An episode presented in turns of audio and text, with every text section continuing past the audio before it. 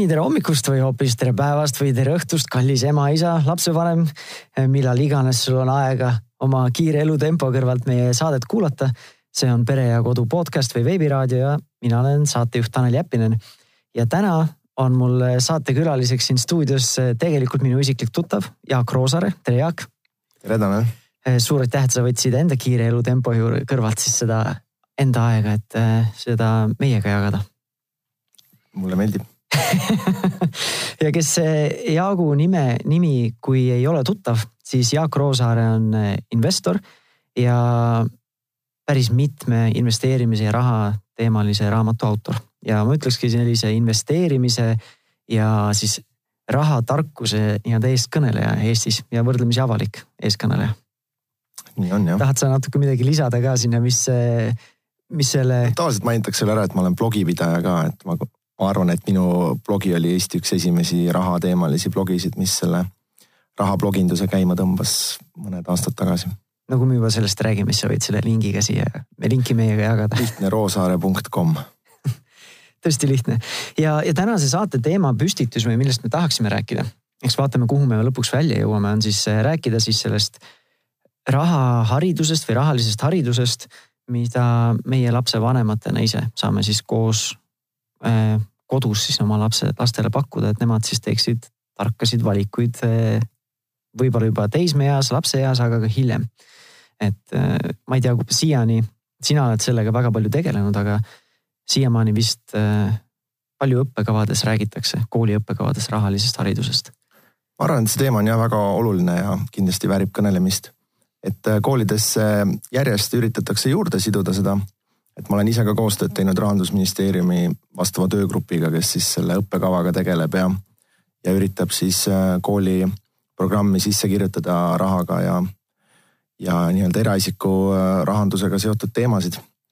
et seal on kaks lähenemist, et on eraldi tund paljudes koolides siis äh, kas siis majandusõpetus või mõnikord läheb see ühiskonnaõpetuse alla, kus siis räägitakse sellisest justkui rohkem teoreetilisest poolest, et noh, mingid investeerimise alused ja, ja sageli seda seotakse siis veel ettevõtluse ja, ja õpilasfirmadega. aga et siis teine idee on see, et siduda rahateemat siis teistesse õppeainetesse ka. noh, kõige lihtsam ja loogilisem on seda matemaatikaga siduda, et siis kes on matemaatika tekstiülesandeid lugenud, siis seal peaks olema omajagu rahaga seotud näiteid sees mm. -hmm. ja nagu sa ütlesid, üks asi on nii-öelda ettevõtlusega seda siduda, aga teine asi siis see isiklik nii-öelda kodune nii-öelda raha majapidamine, eelarvestamine ja kõik need muud asjad. ja aga ma arvan, et mõlemad teemad on olulised, et, et võib-olla, võib-olla isegi tähtsustatakse rohkem seda kodumajapidamise eelarve ja, ja seda temaatikat, säästmist. aga ma, ma arvaks, et vähemalt sama oluline on just selle ettevõtlikkuse süstimine ja, ja investeerimis tutvustamine lastele vähemasti keskkoolis et ma ise olen mitu korda mõelnud seda, et äh, me elame ju kapitalistlikus süsteemis, aga tegelikult äh, ei, ei keskkooli lõpus ega ka ülikoolis ei, ei räägita nagu noortele sellest, et mis asi see kapitalism on, kust tuleb kapital, miks on vaja kapitali omada, kuidas kapital tööle panna, kõik see, et, et sellest nagu väga kusagil ei räägita, et, et ma ise tunnen võib-olla sellest kõige rohkem puudust, et ma arvan, see peremajandus äh, säästmine, eelarvestamine, see on asi, mida koolitunnis on nagunii raske õpetada, et eh, kuna see on suhteliselt ikkagi individuaalsem ja, ja sõltub hästi palju pere olukorrast. aga just sellist üldist eh, kapitalistlikku maailmavaadet võiks vähemasti siis seal majandustunni raames noortele õpetada. et see pere nii-öelda juhtimine, see võiks siis kodust tulla rohkem või? jah, ma usun küll, et noh, ma olen ise käinud, mul siis vanem lap, laps õpib teises klassis, et siis eelmisel aastal ma käisin koolis ise rääkimas esimese klassi õpilastele siis natuke sellest rahateemast, et äh, jagasime neile äh, rahateemalisi raamatuid ja lugesime seal üheskoos ja arutlesime natukene, et äh, et noh, üldse müts maha kõikide õpetajate ees, et, äh, et Sakus seal minu poja klassis on vist kakskümmend kuus õpilast või midagi säärast, et et seal tunnis üldse mingi teemani jõuda on päris keeruline, et, et sa pead ju samal ajal korda majas hoidma ja, ja et ma arvan, et nüüd minna mingite pere rahaasjade näideteni väga konkreetselt äh, on suhteliselt raske.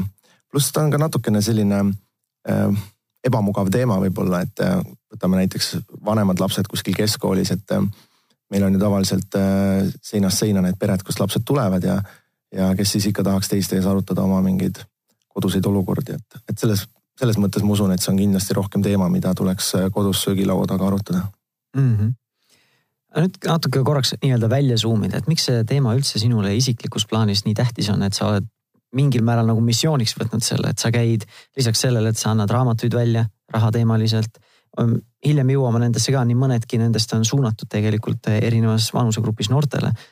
ja et pead blogi, eh, võtad enda vaba aega, et käia koolides esinemas, rääkimas nendel teemadel, et miks see sinu jaoks tähtis on olnud? No algselt oli tähtis sellepärast, et äh, mina ise kasvasin lapsena üles siis sellises ajajärgus, kus kõik olid vaesed. kui me niimoodi üldpilti vaatame, et äh, et äh, see oli see aeg, kus äh, oli rubla hüperinflatsioon ja Eesti kroon tuli ja oli aeg, äh, kus kõigil oli palju raha ehk siis rublasid, aga poes ei olnud midagi saada. ja siis üleöö tuli selline aeg, kus poe, pood, poed olid kaupa täis, aga polnud justkui raha kellelgi, et sellest midagi osta. Nii et, et see oli minu jaoks tollal nagu oluline teema, pluss siis ma arvan, et ma ei saa öelda, et see on nagu kaasasündinud, aga ma usun, et ikkagi suhteliselt kuidagi varasest lapsepõlvest igal inimesel on mingid huvid või teemad, mis, mis neid kirglikult tõmbavad, et, ähm, et seda hiljem muuta nagu suhteliselt keeruline või peaaegu et sihuke nagu peale surutud. et siis mina olen selles mõttes hästi õnnelik, et see raha investeerimine, kogu see kapitalismi teema mind väiksest peale hästi huvitanud ja ma ei pea seda tööks, kui ma sellega tegelen, et, et see on nagu minu hobi. ja, ja samamoodi ma vaatan oma vanema lapse pealt, et tema jaoks on tema jaoks on näiteks klaverimängi muusika see teema, mis, mis teda hästi huvitab, et, et ma usun, et iga inimene peaks võimalikult ruttu leidma, mis see tema valdkond on ja siis, siis äh, tegema seal nii-öelda tööd, aga samas ka hobidena ja heategevusena käima sedasama teemat siis teistele jagamas mm. -hmm. no sa oled väga mitme raamatu autor, üks on siis see rikkaks saamise õpik, siis on aktsiatega Ja, kinnisvaraga rikkaks saamise õpik. oma olemuselt on siis ikkagi üks peamine raamat, mis on see rikkaks saamise õpik ja siis selle järjed äh, aktsiate ja kinnisvara teemal, mis on siis lihtsalt nagu teemasse süviti minek kahte erinevasse varaklassi. mul sahtlis ootab lõpetamist ettevõtlusega rikkaks saamise raamat, mis tegelikult ma arvan, on kõige olulisem. et, et äh, nii-öelda nendest varaklassidest, et äh, kui keskmine inimene tahab äh, ikkagi nagu väga rikkaks saada, siis see ettevõtlus on see õige tee, kuhu oma pilk pilk suunata. ja, ja siis äh, võib-olla tänase saate temaatikas või kontekstis äh, on siis selline raamat nagu Kes tahab saada rahatargaks, mis on koostöös äh, Mihkel Truumaniga ähm, kirjutatud, mis on rohkem siis selline romaanilik raamat ja mitte niivõrd käsiraamat ja lisaks ma olen näinud, et sa oled siin, siin-seal nii-öelda reklaaminud ka seda Tom õpib raamat, rahamängu. ja Tom õpib rahamängu on Priin Tutelbergi poolt kirjutatud, ma arvan, Eesti üks populaarsemaid raharaamatuid just äh, mudilastele ja väikestele lastele, et. Ähm, et seda ka kindlasti, kindlasti soovitaksin huh.. aga lähme alguses siis selle peale, et ongi, kui sa rääkisid juba, et see raamat on siis mudilastele suunatud, millest, mitte sa ei pea nagu ümber jutustama, millest ta räägib, aga kuidas siis üldse alustada selle raha teema tutvustamist kodus väikelastega kes on, ongi eelkooliealised, natukene juba hakkavad midagi aru saama, et poes mingi vahetus käib, on ju. et mina mäletan lapsepõlvest on sellises vanuses on lihtsalt see, et kui midagi tahtsid, siis vanemad ütlesid, et raha ei ole ja kõik, jutt lõppenud nagu. et kas see on nüüd see kõige parem viis, kuidas seda raha teemat tutvustada? see võib olla, et võib-olla see siis motiveerib sind ennast äh, rohkem raha teenima tulevikus, kui vanemad kogu aeg ütlesid, et raha pole. Et äh, mul on nagu kahetsed tunded selles osas, et äh, ühelt poolt võib-olla esimene küsimus ongi see, et kas see teema pakub lapsele huvi.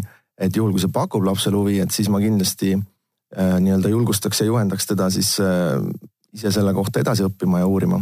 et praegu on ju ükskõik mis valdkonnas või teemas võtad Youtube'i lahti või Google'i ja hakka nagu minema, et kõik no, see info on. kooliealine laps võib-olla saab, aga no ütleme mingi nelja-viieaastane, ma ei tea, kas ma tahan teda sinna Youtube'i ise minna okay, saadet avastada väike, raha kohta. ja väike laps äh, noh, mina isiklikult nagu väga ei push'iks seda teemat selle koha pealt, et ähm, et me töötasime samamoodi perega läbi selle Tom õpib äh, rahamängu raamatu ja seal on nagu erinevad näited, noh, üks on siis see, et õpetada lapsele, kui ta saab taskuraha, et jagada taskuraha kolme, kolme purki nii-öelda, et üks on siis säästmiseks, üks on kulutamiseks ja üks on heategevuseks.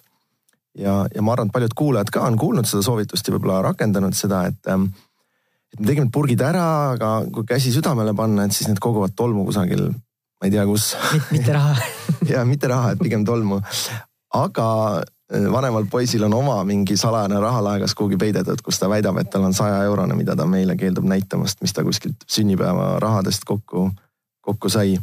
Et, äh, et, et siis, ähm, mis ma sellega öelda tahan, on siis see, et mulle endale tundub, et niimoodi peale sunnitult mingit sellist ähm, Äh, rahatarkust lastele õpetada, eriti kui seda ise ei järgi, et, et oleks, et siis meil, minul ja abikaasal oleks ka nagu rahapurgid, kuhu siis meie seda raha paneme, et, et siis, ähm, siis, äh, siis ilmselt lapsed kopeeriksid. et ma võib-olla nagu esimese soovitusena vanematele annaks üldse selle mõtte, et vaadata, kas sinu enda rahakäitumine on selline, mida sa tahaksid, et lapsed kopeeriksid. Et lapsed on ikkagi suhteliselt sellised äh, ahvipärdikud, et nad vaatavad, mis sina teed ja, ja üritavad siis samamoodi järgi teha. ja kui sa ise siis äh, justkui ei pane raha kolme hunnikusse ja teed oma heategevust nii, et kannad, kannad kümme eurot automaatselt kuskilt pangaarvelt ära, nii et laps seda ei näe, et ega siis äh, on lapsele raske selgeks teha, miks tema peaks nüüd panema oma taskurahast raha kuhugi purki. nii et võib-olla alustaks jah sellest, et kas sinu enda rahaasjad on korras ja, ja katsuks need korda saada ma arvan, et see on väga nii-öelda eluterve suhtumine, et see on samamoodi kui enda lapsepõlvele tagasi vaatad, et see, need sellised moraali lugemised tavaliselt väga efektiivsed ei ole nagu, et lihtsalt hakata targutama ja moraali lugema. et äh, ma, ma, ma ise nagu lähenengi just selle nurga pealt, et, et kui ma juba ise teen, et lihtsalt kaasata lapsi siis nendesse tegemistesse. Loomulikult peab mõtlema, kuidas seda eakohaselt teha. Sina oled ise kolme lapse isa. kõige vanem, sa ütlesid, et on teises klassis. Mm -hmm.. ülejäänud on väiksemad, on ju et äh, kas te üldse siis, ma ei ütlegi, et see, et me peame seda tegema ka huvi pärast, et äh, mida, mida sa ise siis selle rahalise hariduse poole pealt oma lastega teed, kui üldse midagi. või kui nad küsivad millegi kohta, kuidas sa siis nii-öelda presenteerid seda, et see nii-öelda sinu, sinu väärtustega nii-öelda sünkroonis oleks mm -hmm.? noh, kõige noorem on meil kuuekuune, et temaga siis hetkel ei tee veel midagi Äh, siis keskmine laps on natuke üle kahe aasta ja tema ka minu meelest veel rahast nagu aru ei saa, et pole temaga ka tegelenud, nii et jääme selle teise. tundub hea kohane, et hästi mõistlik. tundub teise klassi jõudlusele keskendumine õige ja, ja temaga me oleme siis kahte asja teinud, et äh, esiteks tegime talle siis kasvukonto LHV-s ehk siis reaalselt iga kuu investeerime tema nimele siis veidikene raha, mis siis jõuab selleks ajaks kõvasti kasvada, kui tema ülikooli läheb kunagi. Äh, enne seda ma tegin tegelikult äh, justkui virtuaalset investeerimist, et oma aktsiaportfelli ostsin talle erinevaid ettevõtteid ja, ja koos siis vaatasime neid ettevõtteid ja need ettevõtted olidki siis Disney ja Hasbro ja Mattel ja sellised firmad, mis siis justkui peaks lapsi kõnetama. Tegime seda kuskil kolm-neli kuud või võib-olla isegi pool aastat, kui ta oli esimeses klassis, aga ma tundsin, et see oli rohkem minu poolt peale surutud, et mina sain sealt rohkem nagu emotsionaalset naudingut kui kui laps ise.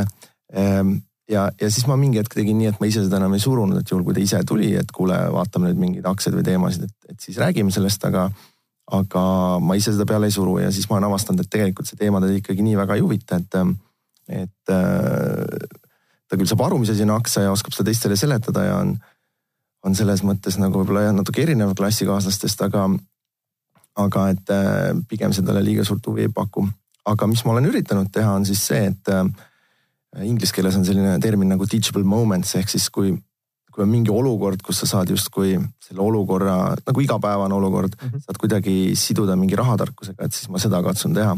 et näiteks oleme poes, keegi meie ees ostab, eks ole, õlut ja suitsu või loteriipiletit on ju, et siis on hea koht, kus nagu niimoodi pärast autos rääkida, et kuule, et kas sina, kas see oli nüüd tark otsus või nii Äh, teine asi on see, et kui me sõidame näiteks mööda mõnest äh, äh, noh, näiteks me, meie koduteele jääb siis DSV selline autokeskus, mis kuulub Eften kinnisvarafondi, kus meil endal on ka osakuid.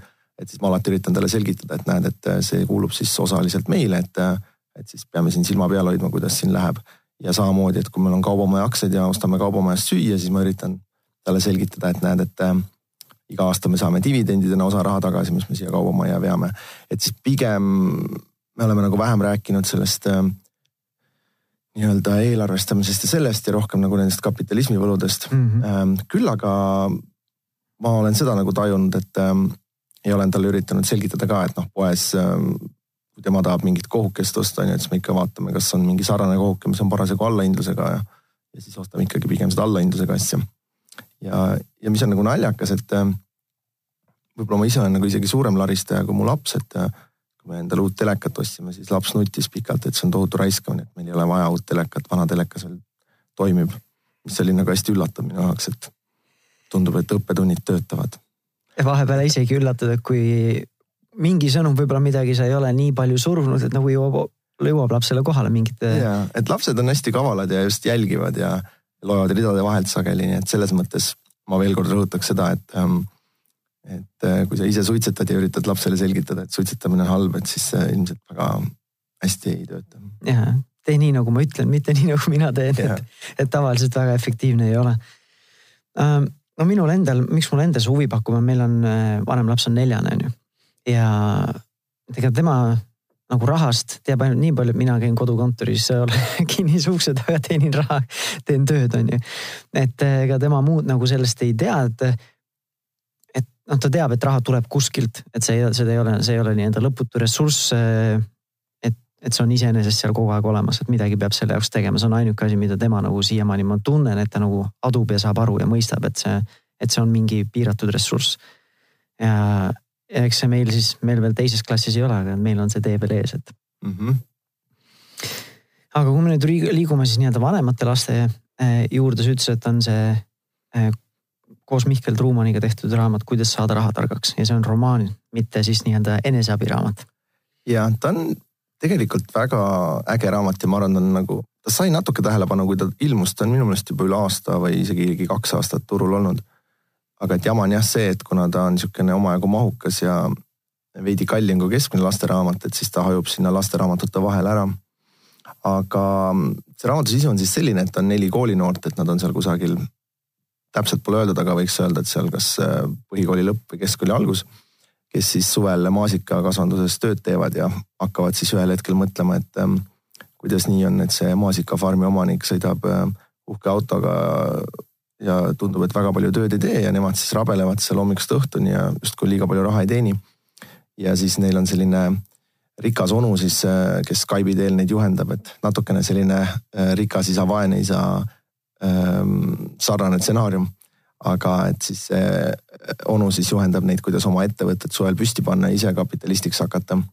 ja siis on seal siis oma palju, omajagu selliseid äh, Äh, neid samu teachable moment eid nii-öelda sisse punutud, et, äh, et seal siis jõutakse omavahel tülli minna ja kassast kaob vahepeal raha ära ja lapsevanem äh, ühes peres jääb ise töötuks ja tuleb siis hoopis oma lapse firmasse tööle suveks ja ja on siis rikkamaid peresid ja vaesemaid peresid ja et minu meelest Mihkel on nagu hästi suurepäraselt selle selliseks romaaniks kokku kirjutanud, et kui ma seda käsikirja lugesin, siis ma nagu ei valeta, et ma ei saanud, ei läinud öösel magama, et lasin poole hommikuni välja, et see oli nii põnev et ta nagu haarab endaga kaasa ja minu rolliks jäi siis seal eelkõige nagu hoolitseda selle eest, et äh, lisaks sellele romaanile oleks seal siis sees kõik vajalik teooria ja siis sellised harjutuslehed ja küsimused ja, ja kõik selline nii-öelda lisatarkus. et, äh, et kõigile, kes nüüd suvele vastu lähevad, on, ma arvan, mingi viies-kuues klass või vanemad, et, et mina soovitaksin neile rahatarkuse õppimiseks just seda väljakutset, et nad teeksid suvel oma ettevõtte ja prooviksid ise raha teenida ja ma arvan, see raamat on nagu heaks inspiratsiooniks ja käsiraamatuks neile. jah, see võib tunduda päris suur ettevõtmine, kui lapsevanem ise ei ole ettevõtlusega tegelenud, et nüüd järsku mul tuleb mingi kaheteisk-kolmeteistaastane laps, nüüd hakkab ettevõtlusega tegema, ise olen palgatööline olnud eluaeg. ja no võib-olla ei pea seda ettevõtlust siis nii suurelt kohe ette kujutama, et minu enda jaoks, ähm, minul oligi väiksena, ma arvan ka mingi neljas-viies klass oli nii-öelda mikroettevõte, et äh, müüsin oma vanematele kodus makarone ja šokolaadi, et tõin hulgilaost koju ja müüsin jaehinnaga. ja siis sellest kasvas välja selline väike müügilett äh, mingis äh, spordibaasis, kus ma sportlastele müüsin. et, äh, et see oli minu jaoks nagu selline hästi hea kogemus ja, ja ma arvan, et see nii-öelda oma ettevõte võibki olla kasvõi seesama, et sa niidad kodus muru, aga sa ei niida seda kui palgatöötaja, vaid sa justkui niidad seda kui ettevõtja, ehk siis ehk siis kui see muruniiduk kuulub mulle kui lapsevanemale, siis ma justkui üürin seda, eks ole, oma lapsele ja käime koos kütust ostmas, ta õpib, mis need kulud on ja siis tema esitab mulle justkui arve selle niidu teenuse eest, et, äh, et ma, ma ise nagu tahaks oma lastele just süstida seda ettevõtlikkuse geeni. et seda palgatöögeeni nagunii tuleb igalt poolt mujalt sisse, et, et noh, ja sama asi võib olla kasvõi mingi kodu koristamise või või siis, või siis kuskil suvel, eks ole, lihtsalt limonaadi müüa maja ees, kui on kohvikute päevad, siis võib ennast rakendada ja et, et ei tasu nagu liiga suurelt seda ettevõtlust mõelda et mingil määral nagu isegi mänguks lihtsalt keerata see. panna need elemendid ka... sisse, et ta ei pea ametlikult OÜ-d nüüd tegema või. OÜ-d ei teeks ja, aga sõltub hästi vanusest, et, et minu see te, kahe, teise klassi poiss siis eelmine suvi müüs, müüs Tallinnas sadamas jäätist koos oma sõbraga turistidele ja, ja siis me käisime laadal siis neid samu lasteraamatuid müümas. et ma arvan, et sellist müüki, ettevõtlust, müüki ja suhtlemist äh, võõraste inimestega on igal juhul hea lastele arendada mm. -hmm nagu ametlikult kuskil töötades peab ilmselt vaatama seaduses ka, mis need, ja, mis, need, ja, mis need reeglid ja piirid on. ametlikult ilmselt jah, seda hästi teha ei saa, et see pigem siis selline, et kui sa ise kusagil toimetad, siis võid lapse kaasa võtta. aga see on seesama, nagu sa ütlesid, see morsi see lett või limonaadilett, mis on Ameerika kultuuris väga selline populaarne, ma ei tea, kas see on reaalses elus ka nii populaarne, kui filmides näidatakse, pane sinna kodumuru selle muru peale selle leti üles ja müün oma limonaadi seal ja korjan oma kakskümmend viis senti topsi pealt. ja no me oleme mõlemad osas raamatuid müünud, et ähm, mina raamatumüügipäevadel küll, ma arvan, et iga suvi ikka paar korda kohtasin, kus ma sain dollari eest endale klaasi limonaadi osta, et, et see oli omajagu popp küll ma mäletan kakskümmend viis senti, aga sul oli siis. mul jäi ikka mingi kirjad aga ma tahaks natukene sellisest spetsiifilistest eh, võib-olla küsimustest või asjadest ka rääkida, et sa natukene juba tõid selle teema sisse.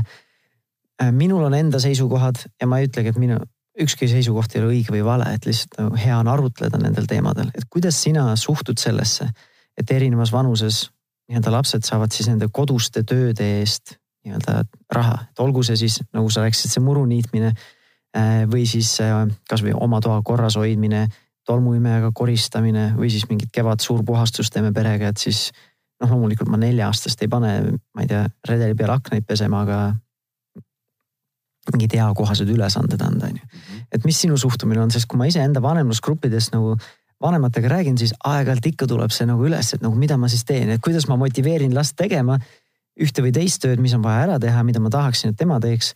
et ühe koha pealt nagu tahaks õpetada nii-öelda tööväärtust ja raha väärtust, teise koha pealt noh, mina ei tea, ma naisele ei maksa äh, raha sellest, et ta paneb nõud nõudepesumasinasse või peseb mu pesu, on ju.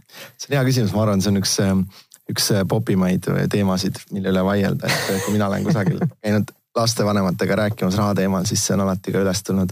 ja teine teema on alati taskuraha suurus olnud ja et kas üldse anda taskuraha aga räägime siis nendest kahest. kaks tüüpi teemat, et äh, nagu sa ütlesid, et õiget valet vastust ei ole, et äh,, et pigem peab iseenda jaoks läbi mõtlema ja ennast nagu mugavalt tundma selles. et äh, mina ise väiksena kunagi sellist pidi raha ei saanud ja, ja ei ole ka ise maksnud ja mina sain raha siis nii, et äh, korra nädalas reedeti sain viis krooni taskuraha eeldusel, et mul see rahapäevik oli ilusti täidetud ja isa vaatas selle üle, et kus tulud-kulud olid, kus raha kulus ja ja see toimis. Äh, mu vennale tehti sama plaan ja vennal see ei toiminud, et äh, see päevik kadus alati nädala jooksul kuhugi ära ja midagi sinna kirja eriti ei saanud. ehk siis äh, lõpuks mu vend hakkas niisama raha saama ja minule see päeviku pidamine nii meeldis, et ma pidasin seda nagunii ka siis edasi, kui enam isa raha ei andnud, et põhimõtteliselt täna, täna ka pean oma rahapäevikut, et täna hommikul just tegin kokkuvõtte oma rahaasjadest. aga tagasi sinna kodutööde puhul, et, et mulle mulle pigem meeldiks see põhimõte, et laps saaks aru, et ta on nagu osa sellest meie pereüksusest ja et me olemegi.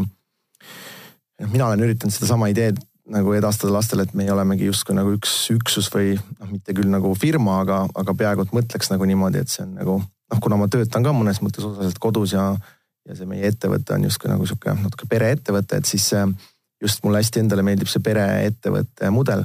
ehk siis lapsed saaks aru, et nad on osa sellest meie perest ja nemad tahavad ise aidata et ideaalis see võiks nii olla, et nad ise tahavad neid asju teha, eks ole. ja noh, ma olen nõus, et toa koristamine ei ole asi, mida laps nagu vabatahtlikult ise tahab teha, et siis see tuleb lihtsalt või vähemalt meie oleme seda lihtsalt siis äh, sunniga teinud. Äh, mis oli näiteks eile naljakas, et äh, ostsime uue aiakäru ja ma ise, mulle endale enda, ise väga ei meeldi nii-öelda mutrivõtmega asju teha.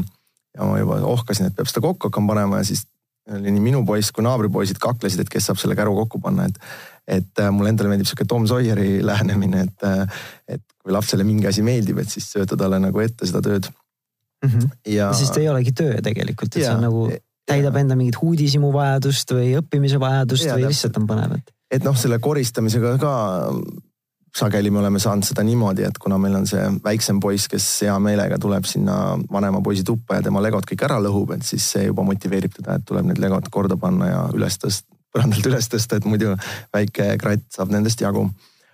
aga mul endal on üks natuke või noh, samas vallas, aga sihuke huvitav väljakutse on see olnud, et me kui me enne siin rääkisime sellest, et sa pead ise hea eeskuju olema, on ju, et ma mäletan, et mina väiksena siis vihkasin seda oma toa koristamist või noh, vihkamine on liiga tugev sõna, aga ma ei nautinud seda, eks ole, ütleme nii. ja iga laupäev meil peres, mul oli tunne, et keegi väga ei nautinud seda koristamist.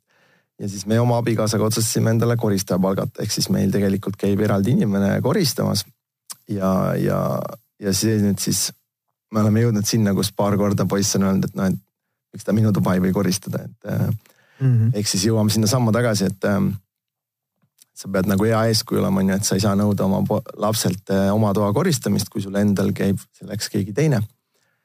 et, et, et siis ma natukene tunnen äh, just seda muret, et ähm, kuidas siis nagu lapsi nii-öelda mitte ära hellitada või ja noh, sama asi on nagu ka igasugustel reisimiste ja, ja poes asjade ostmise ja nii edasi, et ähm, et äh, noh, mõnes mõttes ju sinu jaoks ei ole nagu suur asi maksta euro või kaks mingi asja eest ähm, poes, aga et äh, sa pead nagu alati mõtlema, et lapse tasandil tema rahade juures on see nagu suur asi, et siis ma alati arvasin, et on siuksed nõrgad vanemad, kes laste jonnihoogudel järgi annavad ja mingi auto või koomiksi poes ostavad, kuni siis ise ka selleks nõrgaks lapsevanemaks olen saanud.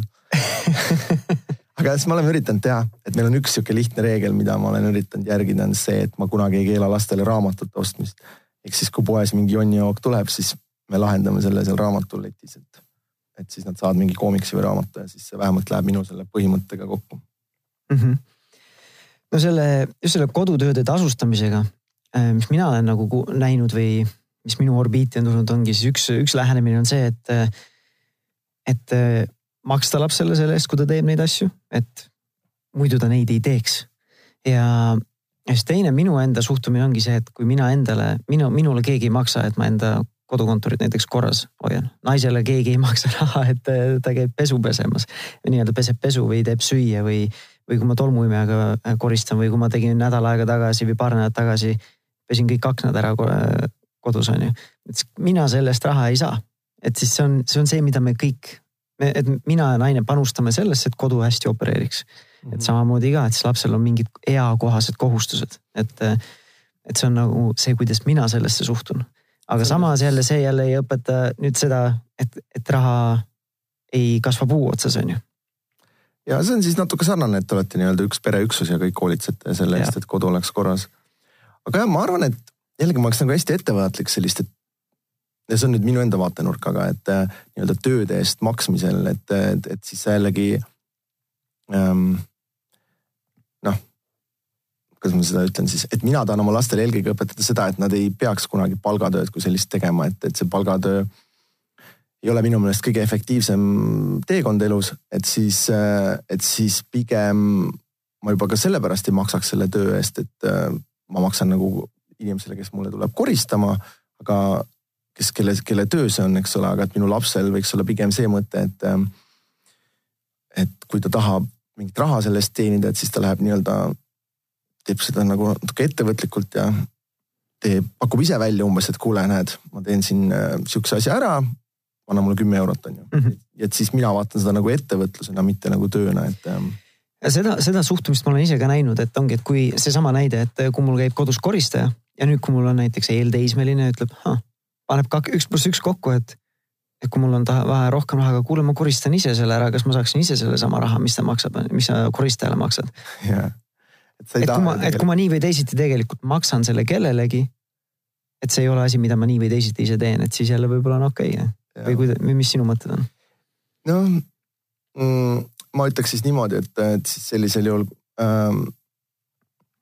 sellisel juhul, kui ta tahab, kui ta ei taha oma tuba koristada, siis ta peab oma taskurahast maksma koristajale on ju, et koristaja tema toa ka ära teeks, et äh, ja oma taskuraha siis ta peab kusagilt mujalt teenima, et, et ähm,. ei, ma mõtlengi, et kui laps ütleb seda, et kuule, et ise koristada. ja, et kuule, meil koristaja käib siin mingi iga nädal, maksate talle X eurot. ma koristan ise selle ära, saan iga nädal ise selle X eurot enda, enda taskusse nagu. jah, ma arvan, et eks ma siis maksan ja siis tuleb jutuajamine, et, et koristajatel on nagu suhteliselt fikseeritud palgad ja et sealt nagu. või siis on see, et, et jah, et kuule, ma mõtlesin, et mul on see klassi, klassivend, et tema tuleks koristama ja siis ma võtan vahelt seda paar eurot. ja mulle meeldiks see mudel rohkem, et lihtsalt, aga see on nagu minu, kuna ma ise olen ettevõtja, ettevõtliku meelega ja niimoodi kogu aeg teinud, et siis ähm, mulle meeldiks see, kui mu laps tuleb sihukese ettepanekuga, et Tom Sawyerdas kellegi teise seda tegema, et ähm, mina ei pea seda nagu pahaks. et, et see on sihuke ettevõtlik meelelaad ja, ja jah, aga, aga kui nüüd aus olla, et ega põhimõtteliselt me mingit taskuravi asja ei ole nagu kokku leppinud, et me kunagi maksime, tegime pangakaarti koos selle panga kasvukontoga ja maksime siis ähm, kümme eurot, mõtlesin, et ma hakkan iga kuu sinna maksma, aga see kümme eurot istub siiamaani seal kaarti peal, et pole kordagi seda kasutatud. et siis äh, laias laastus ikkagi me oleme kõik asjad nagu kas siis ise ostnud või siis ongi see, et korra aastas on sünnipäev ja jõuludeks saab tänapäeval minu meelest ka juba lapsed saavad vanavanematelt sageli pigem raha kui mingeid asju, et siis äh, kuidagi nagu iseenesest koguneb neil see raha kuhugi sahtli põhja mm. -hmm. oleneb lapsest või keskkonnast, kus ta üles või kas on, kuidas ta on harjunud selle rahaga ümber käima, et. ja seda küll jah, aga noh, meil ongi see, et, ähm, et ütleme ikkagi mingid mänguasjad ja asjad me oleme nagu ise ostnud, et. või siis oleme üritanud saada mingi diili, kus me saame selle mänguasja tasuta, et mm. -hmm. aga nüüd äh, selle enne kui me ära hakkame lõpetama, siis see viima-, üks teema, mis sa ise nagu üles tõstatasid, et ongi see, et, ei taha last ära hellitada. et kui ma ise, see on paljudes raamatutes või edukad inimesed jagavad ka seda, et kui ma ise tulin nii-öelda, ma ei tulnud raha, rahast ei kasvanud üles, on ju, et minul ei olnud palju raha peres, et ei olnud kõik asjad, ei olnud kõik võimalused lahti, on ju. et siis et on see hirm, et kui ma nüüd laps kasvab selles keskkonnas üles, et kas tal on siis sama samasugune nii-öelda mentaliteet, et kas ta on nii ettevõtlik või ta siis ta pigem puhkab loorberitel ja nii edasi. et sa rääkisid ka, et kui, et sa vaatasid nii-öelda seda nõrkuse nagu teised lapsevanemad äh, andsid alla või järgi on ju poes. et äh, see hirm või see ärevus, et nüüd, kui ma iga kord talle ostan midagi, et äkki ta siis ei hinda mingeid asju, mis tal on ja nii edasi. et ähm, kuidas nende siis väljakutsetega ise hakkama saada või kuidas seda mõtestada iseenda jaoks või mis sina, kuhuni sina oled enda mõttearendusega jõudnud või seisukohtadeni? no mida ma olen üritanud nagu pikalt seletada, ongi see, et raha peamine mõte ei ole nagu teda ära tarbida. ehk siis ähm, noh, sageli laps küsib umbes, et kas meie siis ei saa endale sellist asja osta või kas, et umbes noh, stiilis, kui naabrimees ostab uue auto, et kas me võiks ka uue auto endale osta et, et siis ma olen pigem üritanud alati seletada seda niimoodi, et eh, noh, et kui me tahaksime, me saaksime, aga meil ei ole seda nagu vaja. ja, ja miks meil ei ole seda vaja, kust tuleb see otsus, et meil hetkel on nagu auto olemas, eks ole. et võib-olla siis läbi selle on tulnud ka see teema, et ta hakkas nutma, ma uut telekat ostsin, mida ka otseselt vaja ei olnud, eks ole aga, aga et, et saada nagu sellest aru, et raha eesmärk ei ole nagu tarbida vaid pigem on siis raha eesmärk anda sulle vabadust ja, ja ma arvan, et mina lahendan siis selle just niimoodi, et, et ma üritan lastele selgitada seda, et see raha, mis, mis nende suureks saamiseks on nagu meie perel kogunenud, on siis justkui suur vastutus ka neile, et, et nende ülesanne on seda raha siis nagu hoida, edasi kasvatada ja justkui seda kapitalismi lähenemist kasutada. et, et, et ma seda ka ei poolda, et sa lapsi nagu sunni, noh, nii-öelda hoiad nagu mitte kulutamas asju. kui sul on plaanis neile mingi hetk ikkagi suurem summa raha jätta, sellepärast et siis, siis võib see juhtuda nagu kui sa oled pikalt dieedil ja siis külmkapi kallale saad, on ju, et, et siis sa. ja sa lähed sünnipäevapeole kuskile et siis sa teed kohe palju rumalaid otsuseid selle rahaga. aga et pigem siis äh, nagu seda lähenemist, et äh,, et äh, raha on vastutus ja, ja kapitali eesmärk on siis mingit tööd teha ja uut kapitali kasvatada ja mitte nagu seda ära tarbida. ja ma tahaks loota, et see nagu natuke vähemalt kohale jõudnud, et, ähm, et meil on nagu uute asjade ostmine päris keeruline olnud, et lapsed või vanem laps hakkab blokkima kohe selle peale mm. -hmm. et ostad äh, mingi paaritonnise suure-suure teleka, et palju see intressi võiks teenida aastas millest sa ilma jääd? jah, umbes niimoodi okei okay., no minul endal sellega ei ole välja siiamaani selliseid ma ei tea, kas süümekaid olnud, et mul ei ole probleemi, kui laps siis natukene märatseb poes, et. et see on nagu, laps käitub äh, minu jaoks, kui mu nelja-aastane teeb mingit trianglit poes. siis tema käitub nelja-aastasele ea kohaselt, tal ei ole võime, võimalust või tal ei ole oskusi ja aju ei ole arenenud, et oma impulsse ja nii-öelda soove ja tahtmisi kõike reguleerida ja oma emotsioone kontrollida. Siis ma nagu ei pea nagu südant kõvaks tegema, ma lihtsalt ütlen, et praegu seda ei saa lihtsalt ja kogu lugu, et sest nagu alati, see on samamoodi nagu kuidas ma endaga käitun ka, et ma nagu iga kord, kui mul tekib poes, ma ei tea, magusaisu, siis ma iga kord ei osta seda magusat, sest noh, mul ei ole seda vaja tegelikult, see on mingi impulss lihtsalt. ja see on huvitav teema, sest et ma mäletan hästi selgelt selle vanema poisiga, et ma, kõige lihtsam on ju öelda, et meil ei ole raha või me noh. Et kui see, meil ei ole vaja, siis see peaaegu nagu ikkagi tekitab mingit diskussiooni, et tema arvates seda on vaja, eks ole. et kõige lihtsam on öelda, et meil ei ole selle jaoks raha et siis lõpeta, punkt, jutt on lõppenud. raha pole, on ju punkt. aga et siis ma mäletan hästi selgelt oligi vist, kui ta läks lasteaia lõpukandis, et kui, kui ta nagu sai sellest aru, et tegelikult ikkagi meil nagu on raha selle ühe kahe eurose Hot Wheelsi auto jaoks, eks ole. et siis sa pidid natuke põhjalikumalt seletama, et sul juba on nii palju autosid ja et meil ei ole seda praegu vaja ja nii edasi. et, ähm, et võib-olla ma siis julgustaks lapsevanemaid ka natukene, natukene paremaid vastuseid andma, kui see, et meil ei ole raha et ähm, see ja see, see ka endale nagu nii-öelda sisemonoloogina ei ole hea lause, et mm -hmm. ei ole raha, et. tekitad endale uskumust. ja, ja et, et ilmselt sul tegelikult ikkagi on raha selle jaoks, et sa otsustad seda mitte osta, et pigem siis ütleks seda, et me, me otsustame seda praegu mitte osta. Meil on teised prioriteedid aga mul oli mingi hea mõte sellega seoses veel, aga ma mäletan ükskord äh, ma olin ühes ühes ingliskeelses mastermind'is ja siis seal äh, endine FBI läbirääkija siis rääkis sellest sarnasest situatsioonist, äh, mida ta oma pojaga tegi, kes oli eelteismeline, kellel oli vaja, ma ei mäleta, uut mingit nutividinat, mingit kas mängu äh, või, või midagi kallimat, mitte see, et kaks dollarit on ju, et mm. mingi paarsada dollarit võib-olla. et siis poeg siis esitas oma soovi nii-öelda väga kirglikult seal poes, mida tal on vaja. ja siis selle asemel, et hakata argumenteerima, siis ta lihtsalt küsis, aa, sa tahad seda Playstationit siis ta esitad selle, esitas küsimusena selle tagasi. siis poeg õigustas natukene, siis ta küsis järgmise küsimuse, sul on ikka seda, et sul on seda väga vaja või?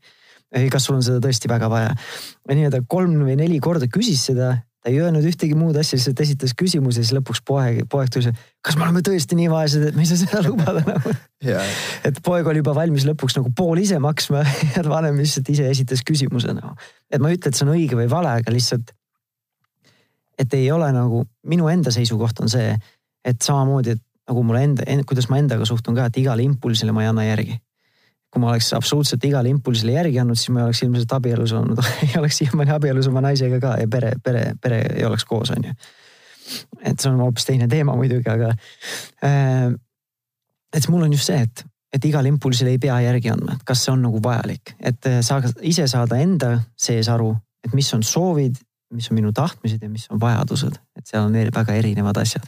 ja selle asemel, et siis lapsele võib-olla öeldagi, et eh, see ei ole, et sinul ei ole seda vaja, vaid proovidagi aru saada, mis selle lapse vajadus on. kas tal tekkis lihtsalt impulss, sest see on nii värviline ja nii lõbus asi. või tal tõesti on tegelikult mingi muu vajadus seal taga, et ta tahaks, juba unistab, kuidas ta sellega mängib või võib-olla hoopis tahab eh, mingit lauamängu sellepärast, et ta tahab hoopis minuga aega veeta. mitte seda, et tal on seda lauamängu vaja, aga ta lihtsalt ise ei oska ka oma vajadusi sõnastada jah. aga see on jälle täiesti nii-öelda eraldi teema, et aga nüüd, kui selle raha teema nii-öelda kokkuvõtteks võtta, et äh, nagu me oleme rääkinud äh, täna ka, et üks asi, mis lapsevanem saaks teha, on see, et kõigepealt vaata natukene võib-olla, ma ei tea, kas kriitiliselt, aga ikkagi nagu ausalt ise peeglisse, et äh, millised on sinu enda rahalised harjumused äh,. millised on ja siis võib-olla mõelda ka, et millised on need väärtused rahaga seotud väärtused, mida sa tahad edasi anda ja kas seal on juba selline ebakõla, et kas sa peaksid võib-olla kõigepealt iseendast alustama, selle asemel, et moraali lugeda. ja siis natuke rääkisime erinevatest lähenemistest sellesse ka, et kuidas sellesse taskurahasse äh, suhtuda, koduste tegemist ja koduste tööde äh, tasustamisse suhtuda. ja, ja nii edasi, et on sul endal mingi midagi jäänud nagu kripeldama, mis võib-olla ei saanud piisavalt tähelepanu või mida, mida sa tahaksid lõpus veel siin rõhutada? Äh, üks teema on, mille kohta mina saan ka sageli küsimusi või e-kirju on just see, et kuidas lastele raha koguda või lastele investeerida või lastega mm -hmm. koos investeerida. et, äh, et ma korraks seda teemat selles mõttes puudutaks, et ähm, kuna see on selline natukene emotsionaalne toode, et siis ähm, pankadel on suhteliselt lihtne ilmselt ähm, idee vanematele ära müüa, et tasub teha mingi laste kogumishoius ja panna sinna veel kindlustuskaitse juurde, et kui lapsega midagi juhtub ja nii edasi, et, äh, et ma soovitaks lastevanematel natukene netiavarustes erinevaid foorumeid ja blogisid lugeda selle koha pealt, et, et on päris põhjalikult lahatud seda teemat. et tegelikkuses paljud need tooted ei ole head tooted äh, investeerimiseks, et seal on suured teenustasud ja ma mäletan oma vanemaid, kes minu pulmaks siis äh, kunagi rubla, rubla hoiuse mulle tegid, et ma pidin just isalt saama selle tuhat rubla oleksin saanud siis. mitte ei teinud sinu pulma tähele, aga siis, kui sa abiellud, et siis pidid saama selle raha no.. jah, et kui ma abiellusin, see oli vist, siis ma pidin saama või see vist oli, kui sa said kakskümmend üks või midagi säärast, et põhimõtteliselt neil on see mingi obligatsioon siiamaani kuskil alles, et ähm, et äh, mina soovitaksin ikkagi, kui keegi oma väikelastele teeb mingit tulevikku suunatud kogumishoiust, et siis ähm, kasutada indeksfonde selle jaoks ja, ja mitte siis mingeid hoiuseid või muid lahendusi ja et, et ma jagaks selle nagu teema hästi kaheks, et üks on see, et kas sinu eesmärk on raha kasvatada või sinu eesmärk on lastele investeerimist õpetada, et kui sinu eesmärk on raha kasvatada, siis äh, samad indeksfondidel põhinevad kasvukontod on kõige paremad lahendused, et mul endal on tehtud püsikorraldus, iga kuu üheksandal läheb äh, sada eurot sinna kontole ja see investeeritakse siis äh, USA viiesaja suurema ettevõtte ja Euroopa kuuesaja suurema ettevõtte aktsiatesse, eks ole. see on siis lastele mõeldud? Äh, ja hetkel ainult sellele vanemale poisile, aga mul on plaanis siis igale lapsele selline konto teha, et äh, et minu meelest seda saab teha alates vastsündinust, peab ise panka kaasa minema. ja see ei pea olema sada eurot kuus, kui kellelgi ei ole võimalik. võib-olla ka viis eurot, võib-olla ka tuhat eurot, kuidas keegi tahab ise paigutada. aga ta on ka nagu selles mõttes hästi mõnus, et kuni laps saab kakskümmend kuus, siis ei ole seal mingeid haldustasusid, et et ma peaaegu mõtlesin sihukese oma skeemi mõttega, et paneks oma raha sinna sisse, et siis, et siis saaks ka seda ilma haldustasuta kasvatada, et ma kunagi väiksena rahastasin oma vanemate kolmandat pensionisammast niimoodi, et kuna nemad said enne kuuskümmend kui mina, et siis sai sealt justkui maksuvabalt raha välja keerutada. aga jah, et see on siis see, kui sa tahad raha kasvatada ja kui sa tahad raha õpet- või investeerimist õpetada, et siis ma ikkagi, kui sa ise tegeled investeerimisega, et kaasaks last selle protsessi juurde rohkem, et et noh, kui on näiteks mõned üürikorterid, ma olen ikkagi alati üritanud oma vanemat poega sinna kaasa vedada, kui mingi üürikorteri näitamine on või mingi või mingit objekti otsime aga lihtsalt äh, noh, ma tahan, et see oleks nagu selline, et ta saaks aru, kuidas see asi käib ja, ja nii-öelda see oleks tema jaoks kodune teema. aga kui ma näen, et tal nagu kirge selle vastu otseselt ei ole, et siis ma ei hakka seda nagu peale suruma ka, et, et ähm, ma arvan, see on nagu teine äärmus, et sa surud kellelegi mingit teemat peale, mis sind ennast huvitab, aga teda võib-olla nii väga ei huvita. aga see ei ole vabandus, et ta nendest asjadest aru ei saaks, et, ähm, et ta peab ikkagi aru saama, mis asi on aktsia, mis asi on liitintress ja dividend ja nii edasi mm. -hmm et lapsi kaasata ja üks sõnum, mis alguses sa nüüd mainisid, oli just see, et eh, iseennast harida natukene enne kui selliseid suuremaid otsuseid teha, et siis tee nagu pigem.